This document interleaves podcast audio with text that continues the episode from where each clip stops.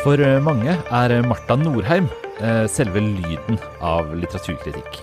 Gjennom flere tiår i NRK har hun vurdert og diskutert litteratur fra Norge, Norden og verden. Få, om noen, har vel nådd flere med sin litteraturkritiske praksis enn henne. I denne episoden av Morgenbladets bokpodkast er det egentlig ikke vi som skal snakke sammen, Ane, selv om vi sitter i samme rom og samme studio for en gangs skyld. Hei, hei. Hei, Bernhard. Vi har eh, rett og slett tatt en prat med vår eh, nye bokanmelder, Marta Norheim.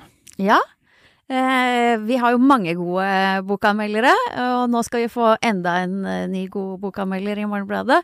Eh, vi snakker jo ikke nødvendigvis med alle i denne podkasten, men eh, i og med at Marta Norheim er så kjent som, en, som en stemme, så tenkte ja. vi kunne introdusere henne gjennom lyd. Og så eh, skal hun jo da skrive fast i Morgenbladet litteraturkritikk. Man har jo kunnet lese henne på nrk.no, for de publiserer jo kritikken sin skriftlig på NRK også, men vi begynner her.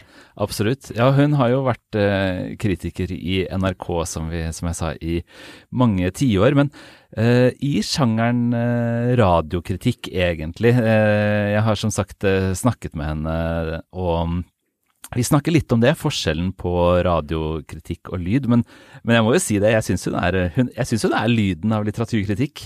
Ja, det er vel ingen som har en stemme som er mer kjent for det enn det Marta Norheim er. Men hun har jo også skrevet bøker om samtidslitteratur. Mm. Eh, så det skal bli spennende å se når hun først og fremst skal utfolde seg i skrift. Ja, for bøkene hennes er jo eh, på en måte bidrag til det store kartet over ja. norsk eh, samtidslitteratur som vi har foran oss. Eh, og både gjennom kritikken, hvor hun jo har fulgt samtidslitteraturen så tett. Hun har jo skrevet mye om norsk, eh, også mye om nordisk litteratur. Og en del om det vi kaller, kan kalle verdenslitteratur, eh, egentlig. Men det er liksom ja, kanskje særlig romansjangeren, og kanskje da særlig det norske hun har vært viktig i å tegne opp eh, kart omkring, egentlig. Mm. Og jeg leste meg opp på den før denne episoden. Jeg så jo at hun begynte i NRK allerede i 1987. Mm. Eh, men hun har også hatt ulike journalistiske oppgaver, er programleder for Kulturoperatørene blant annet. Mm. Men det er ikke mange som har jobb som har muligheten til å jobbe med primært kritikk over mange tiår, da, så det er jo en av de tingene som Norheim bringer til bordet, er eh, en enorm bred lesning av både norsk, nordisk og internasjonal, og det er jo noe som vi dyrker, eh, selvfølgelig. Mm. Og en enorm og helt uh, uslukkelig, virker det som, appetitt på litteratur. Ikke sant. Det snakker vi også om. Her kommer en uh, samtale med Marta Norheim, hvor jeg har kalt henne opp uh, fra Berlin. Det kommer nå. Hei, Marta. Hei, Bernhard. Du eh, befinner deg i Berlin denne høsten. Jeg har eh, kalt deg opp eh, på telefon derfra. Du, du, er i en sånn berlinsk leilighet med sånn flott romklang, som jeg kan huske godt fra alle mine opphold i Berlin. Eh, men når du er tilbake på kontoret eh, i januar, eh, så er det bl.a. som litteraturkritiker i Morgenbladet. Det er jo svimlende, men sånn er det. Det er jo vi utrolig glad for, og ærlig talt beæret over. Hva, hva tenker du om å hva skal jeg si, hoppe inn i Morgenbladets bokseksjon? Ja, nei, det er jo da at jeg både hopper ifra noe og hopper til noe. Jeg hopper jo ifra ganske mange år i NRK, der eh, det bærende elementet jo er å prate, sånn som jeg gjør nå, for så vidt. Eh, til å, å eh, komme inn i et organ som er hovedsakelig skrift. men så er det jo òg den forskjellen altså at NRK er jo en allmennkringkaster, og, og, det betyr jo at den skal være for alle, eller så mange som mulig. Mm. Mens uh, Morgenbladet det er jo en plass der folk uh, rett og slett betaler penger for å, for å lese. Ja, tenk det. ja, tenk det. Uh, og, og det, jo, det, betyr jo at det er de som, de som um, kjøper eller abonnerer på Morgenbladet, de eh, vet liksom hva de gjør, og de, de venter seg noen spesifikke ting. Mm. Til og, med er jo, så er mange, mange, av dem opptatt av bøker, særlig opptatt av bøker. Ja, og det er jo utrolig bra, da. Så, så det blir nok kanskje å rigge litt eh, om eh, mentalt eh, for å eh, komme inn i eh, det nye organet. Men det tenker jeg jo er en, en, spennende utfordring, som det heter. Ja, Du nevnte mange interessante momenter her. Vi skal ta dem litt i tur og orden. Men altså, du, for meg i hvert fall, da, så har jo du vært lyden av litteraturkritikk på radio. og det egentlig da nesten like lenge som jeg har levd, og jeg har til og med slutta å føle meg særlig ung. Eh, si litt eh, om hva som på en måte kjennetegner litteraturkritikk eh, på radio som, som, form? Altså Forskjellen på, på, lyd og tekst er jo i all hovedsak at når du leser, så kan du sette ned tempoet. Eller du kan uh, gå tilbake en, liksom en setning eller tre for å liksom, få med deg da du plutselig oppdaga at du hadde lest uten å tenke over tingen. Mm. Uh, sånn at du, du, må jo på en måte mer holde på uh, lytteren. Og passe på at du ikke rabler av gårde altfor raskt i tankesprangene. Um, ja, det er nok kanskje hoved, hovedforskjellen, egentlig. Ja, Dere har jo liksom uh, operert med en del ulike formater, både korte og lange samtaler. Uh, altså litteraturkritikken får samtaleform, eller, uh, eller på en måte mer oppleste anmeldelser. Er det noe, er det noe du tenker liksom er, er radiokritikk? Altså sånn Hva er radioanmeldelsen eller litteraturkritikk på radio for deg? Hvilket format er den mest hjemme i? Eh, ja, altså det, det, enkleste er jo på en måte å skrive ei blokk, som jeg kaller det for, og mm. lese den inn. Mm. men uh, jeg er nok svak for samtalen. altså Dermed eh, nokså improvisert. altså Vi vet jo hva slags bøker de andre skal snakke om, og, og, og, de vet hva jeg skal snakke om. Nå tenker jeg på Åpen bok, som er det programmet som går nå. Mm. Um, og det å å liksom formulere seg ut i rommet og se at folk eh, hører på, det er veldig spennende. For da merker du jo òg sånn OK, nå begynner jeg å bli litt utålmodig her. Nå må jeg egentlig slutte eller finne på noe skikkelig morsomt ja. for å kunne holde ordet videre. Altså det er litt sånn um, performance uh, i det. Improvisasjon, performance. Og det syns jeg jo er veldig spennende. Særlig når en får det liksom til å, å svinge. Uh, når det liksom når stemmene kommer med innspill og, og, og, du utvikler tanken mens du snakker. Det er jo litt som en god prat med gode venner. At liksom samtalen tar deg til nye plasser, og, og det er veldig morsomt når det skjer. Ja, det, er, det, høres litt kjent ut, faktisk. For sånn, jeg er jo sånn um, tastaturslave, da. Um, som sitter her med skjermen min. Men jeg føler jo også at mer og mer, uh, når jeg skriver kritikk, så, så skjer tenkningen i fingrene, nesten? Altså litt som om det var samtale, da? Ja, altså jeg, tror, jeg vet jo ikke ofte, ofte, hva jeg mener før jeg begynner å skrive. Eller jeg vet jo noe hva jeg mener, da. Eh, men, eh, men, skriving er jo veldig klargjørende, rett og slett fordi at den ene setningen man følger etter den andre og henger noenlunde sammen med den forrige. Og det er jo ekstremt disiplinerende for eh, tanken. Mm. Liksom det, det, er verdier da, man finner både i samtale og i, i selve skrivinga, rett og slett. At ja, tankene mm. tar form, og, og, det man liksom gjør inni sitt eget hode, det, det, det kommer så langt, og så, så, skjer det noe annet når man snakker eller skriver det ut. Det er jo litt sånn latskap i dag, kanskje. Altså, jeg husker Arne Næss, filosofen. Han sa 'gjør det vondt å tenke'. Det var en eh, tittel han hadde på ei bok jeg aldri las. men men jeg skjønner spørsmålet. Altså, det er veldig strev å tenke uten å skrive. ja, det, ja, nei, det føles litt som å gå på ski uten å ha ski på beina, rett og slett. Hvis jeg skal være ærlig. Har, har du liksom noe anelse om hvor mange bøker du kan ha anmeldt? Nei. Kan du gjette? Og absolutt, absolutt ikke. Altså et, et mer, mer eh, liksom, systematisk menneske vil jo kunne kommet med et tall, men jeg, men jeg, har ikke det. Og jeg får jo ofte spørsmålet hvor mange bøker leser du i løpet av et år.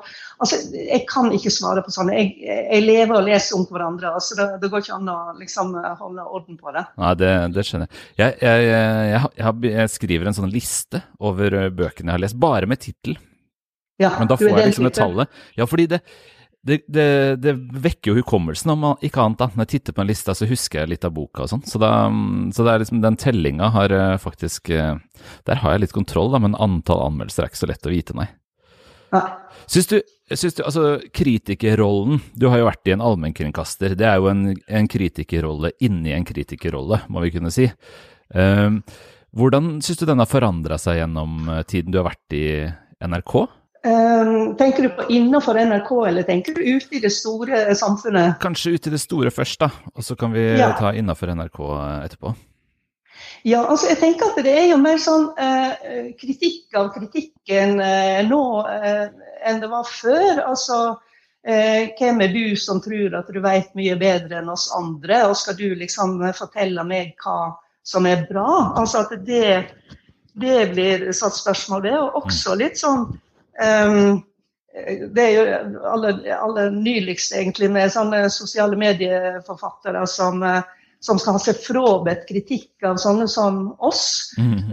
og vil heller snakke til vennene sine og oppfatte det som det relevante. Så du får liksom fra ulike hold en sånn eh, utfordring på både rollen og autoriteten og relevansen vår. da. Eh, kanskje i mer uttalt eh, nå enn eh, da når jeg eh, begynte. Du slår meg som en altså Når jeg leser deg, da, både bøker og kritikk, så slår du meg som, som en leser som har en ganske sånn sterk hva skal jeg si da, antiautoritær åre. At du, liksom at du har en sånn kritisk impuls da, til, til sånn overdreven sterke hierarkier. Man kunne nesten sett for seg at disse mm, utfordringene var noe du mm, ønsket velkommen? Ja, jeg syns jo at alle som har en rolle, bør jo eh, reflektere over den. Eh, ikke bare kritikerne, men også alle som holder på med ting som eh, innenfor vår bransje og, og utover det. Um, altså, jeg tenker jo Som kritiker så kan du jo enten eh, gå i retning eh, dommerjobben, eh, at du er veldig tydelig på dommen, eller du kan gå mer i, eh, i dialog eller i klinsj, eller prøve å utforske det som du har eh, foran deg. Um, og jeg er nok litt sånn inne i begge deler. Så altså Særlig hvis det er virkelig dårlig bok, så, så kommer jo dommerkloa fram. Mm. Men jeg tenker jo kritikken som en sånn måte å tenke eh, sammen med andre i det store koret av de som uh, jobber med litteratur på ulike måter, og kan blande seg inn i, uh, i samtalen eller krangelen eller disputten eller hva det enn måtte være. Um, så jeg ser nok meg sjøl som ei stemme i det koret. Og da er jo liksom sånn tommel opp eller tommel ned kanskje ikke en veldig sånn fruktbar måte å, å nærme seg det på, med mer sånn uh, reflektere rundt det, da. Ja, og, Men eh, sånn som dine, din kritikk viser, så er det jo på en måte ikke nødvendigvis en motsetning. Altså at man, eh, man kan være tydelig og vurderende og, og mm, melde klart, og samtidig, samtidig tenke med bøkene, bruke dem sette det inn i større sammenhenger. Det, det, er jo rett og slett ikke nødvendigvis noe, noe motsetning. Det viser jo dine anmeldelser veldig tydelig. Ja, altså det, det, må jo være et snev av mening eh, en eller annen plass i det. Et eller to eller tre snev. Mm. ja, mm. Så det er jo mer sånn hva slags bein du trør tyngst eh, på, er nok, er nok mer presist enn liksom at du er enten det ene eller det andre. Det er en glideskala, tenker jeg. Men jeg er nok opptatt av Umberto Eco, um, som, som sier at litteraturen er en særegen erkjenningsform. Um, og, og, det tenker jeg, og det erfarer jeg, at det er, liksom, det er, noe som skjer i litteraturen som ikke skjer andre plasser. Uh, og, og, det å liksom gå i dialog med dette syns jeg er veldig, veldig utfordrende, og noe jeg prøver å få til. Det betyr jo at jeg f.eks. er veldig opptatt av å liksom være så nær på uh, litteraturen, altså det spesifikke verket at du kjenner lukta og smaken av det. Ja. Eh, i, i, en del av kritikken, men selvsagt derifra å gå over i en, en mer reflekterende eller kontekstualiserende modus på et passende tidspunkt. Den lukta og smaken er jo på en måte formen i boka, da. Og den, det er jo mye gjennom formen at eh, skjønnlitteraturen tenker, rett og slett. Altså Tankegodset finnes jo like ofte i, i, formen som i det påstandsnivået. Og da er jo det å, å, kunne formidle det en vesentlig del av eh, kritikken, kanskje? Ja, og det, nå, legger, nå, nå, blir det lagt litt ord i munnen på meg her, føler jeg. Men, men eh, det er jo noe i det. Samtidig tenker jeg at det, det kan hende havne i nesten en slags tekstfundamentalisme, det Mm. som du sier nå. Mm. Fordi at, um, altså Jeg er ikke litteraturviter, eh, bare for å oute meg selv på det. Eh, jeg er nordist, Ja. nå er det sagt. Dristig, Eh, dristig. og, ja, det måtte liksom sies. Eh, så jeg tenker at det, nordister har, eller, eller folk som kommer fra andre språkfag for så vidt også, har kanskje en litt annen innfallsvinkel til teksten også, som noe litt mer sånn eh, ja, kanskje nesten idéhistorisk, eller at det, det sier noe om noe annet. altså Da vil jo du ha mene selvsagt, men, Mm. men eh, at det av og til så tenker jeg at eh, en tekst kan overskride forma. Eh, og, og, og dermed føre oss til noe annet. Litt sånn uh, uavhengig av om forma på en måte skrangler. Ja. Um, altså jeg, jeg, er ikke, jeg er ikke limt til forma som det eneste kvalitetskriteriet. Jeg snakker om kvaliteter heller enn kvalitet når jeg leser bøker. Det høres lurt ut. Uh, vi, vi eh, var liksom innom kritikerrollen generelt her nå, men i NRK, altså der har man jo hatt selvfølgelig Der har man jo i NRK et eget eh, og litt annet ansvar, eh, i og med at man er en allmennkringkaster. Eh, Men hvordan har den kritikerrollen endret seg da, syns du? Det er jo liksom beslutningen om å innføre terningkast, f.eks., som har vakt størst debatt i det siste. Det er jo ett et av flere utviklingstrekk, kanskje? Ja, eh, Hvis en går litt lenger tilbake i, i tid, så vil jeg jo si at eh, kritikken har styrka seg noe dramatisk i NRK eh, de senere åra. Eh, og det er jo litt sånn motstrøms i forhold til det som skjer i avisene. Nå holder jeg utenfor eh, Klassekampen og Morgenbladet og Dag og Tid, og sikkert noen andre jeg burde nevnt i denne sammenhengen. Um, men, eh, men, det har vært en styrking både når det gjelder hvor mange folk som jobber med det, og hvor store flater en får, og det at den blir brukt i mange ulike sammenhenger. Det, det er kanskje en del som ikke vet det, men vi er jo ganske ofte innom distriktskontorene, og vi er innom nyhetene. og, og, og vi er innom forskjellige plasser i løpet av ei uke. Og uh, har ganske stort uh, spillerom, i tillegg til at vi er blitt mer synlige på nett. Mm. Um, så det har skjedd en, en, ganske drastisk utvikling ifra altså når jeg begynte, Da begynte jeg i et program som heter Kritikertorget. og det var uh, en halvtime og etter hvert to halvtimer i veka som skulle ta alle mulige slags uttrykk, altså film, teater, bildekunst osv. Så, ja. så vi, vi, har vokst både, både, når det gjelder antallet folk som jobber med det, og når det gjelder eh, sendeflate. Nå sier jeg vi, jeg må jo begynne å, å, å snakke om deg. men, men, det er det som har skjedd litt i løpet av de siste åra. Mm. Men eh, samtidig så har jo nrk.no sikkert eh, blitt viktigere som flate for eh, alle som jobber i NRK, inkludert eh, kritikerne. Og det er jo eh, Da er man jo underlagt den digitale medievirkelighetens eh, vilkår, som jo er litt andre enn radiomediets, f.eks. Hvordan tenker du det har påvirka kritikken i NRK? Ja, altså det har påvirka på flere måter. Altså, det fantastiske med det er jo at der har du et evig liv. Eh, mm. eh, og så ligger det jo da en, en, et krav til formatering, altså hvor langt skal det være. Eh, og, og, etter hvert også spissing, tydelig, tydelig tittelen, tydelig ingressen, tydelig konklusjonen. Altså det er en veldig sånn krav om å være tydelig, og da spisser jo på en måte den dømmende delen av kritikerrolla, da. Mm. Der er jo terningen eh, kanskje det ypperste uttrykket. Ja.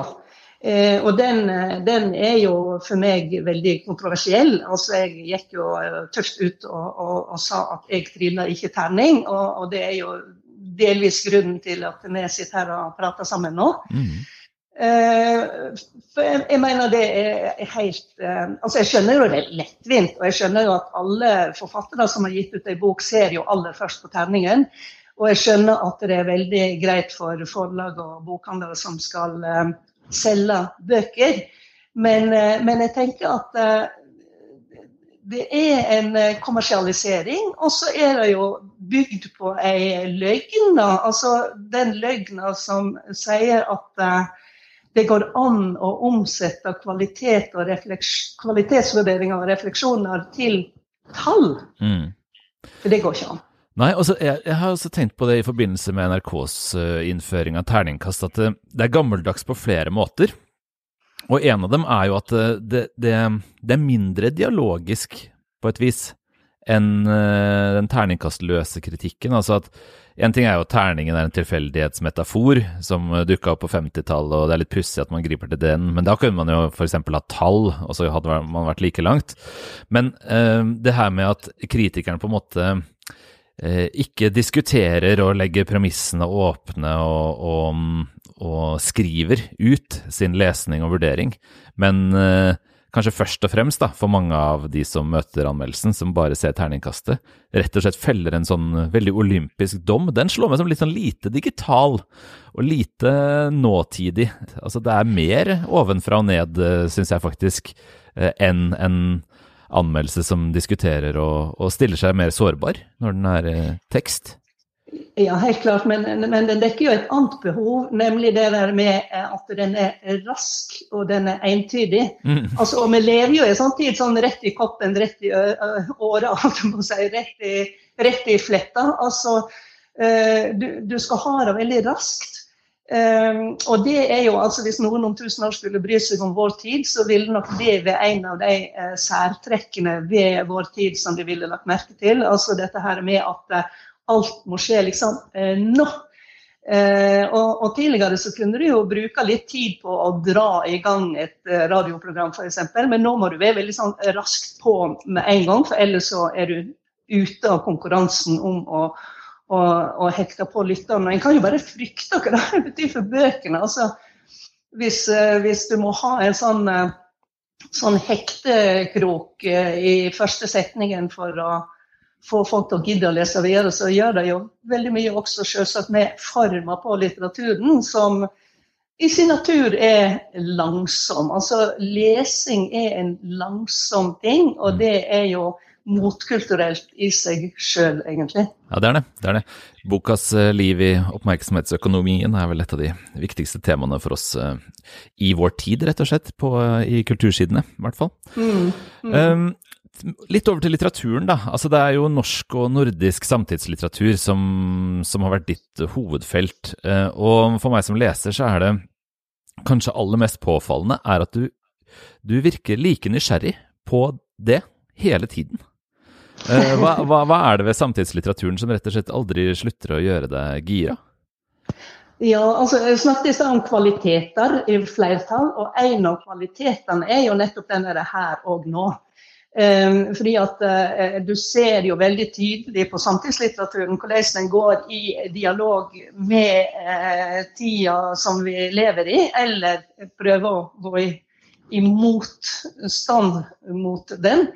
Um, så, så, det, det syns jeg rett og slett er veldig spennende. Um, altså det er sånn uh, Jeg kan ikke forklare det, men det er jo bra med den jobben jeg har hatt, at jeg har hatt den gleda ved å åpne en ny bok.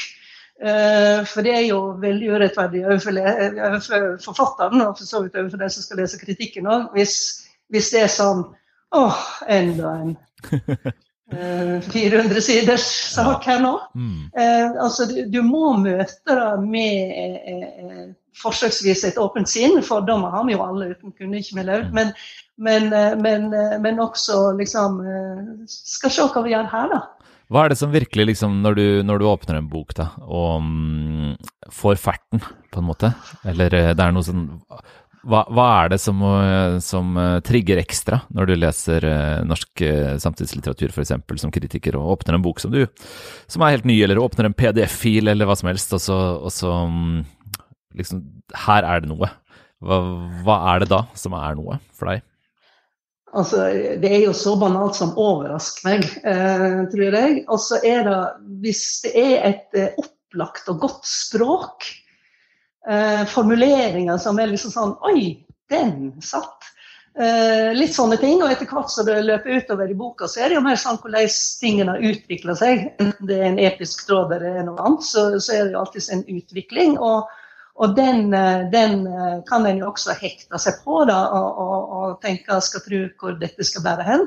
Og Det er kanskje en yrkessvakhet, eller det at jeg har lest uh, mange bøker, altså usunt mange bøker, vil jeg kanskje si. Så, jo, men det er ikke bra å lese for mye. Altså. Det er jo, vi er jo i faresonen. Det blir sånne bovarier alle sammen. Mm. ja, for, forleste ja, men, folk. Ja, men det, det, det, er, det, har sine sider, det. Men, men, eh, men, da blir det jo ofte en stor glede hvis, hvis jeg tenker med mine fordommer eh, at eh, å ja, vi skal hit, ja.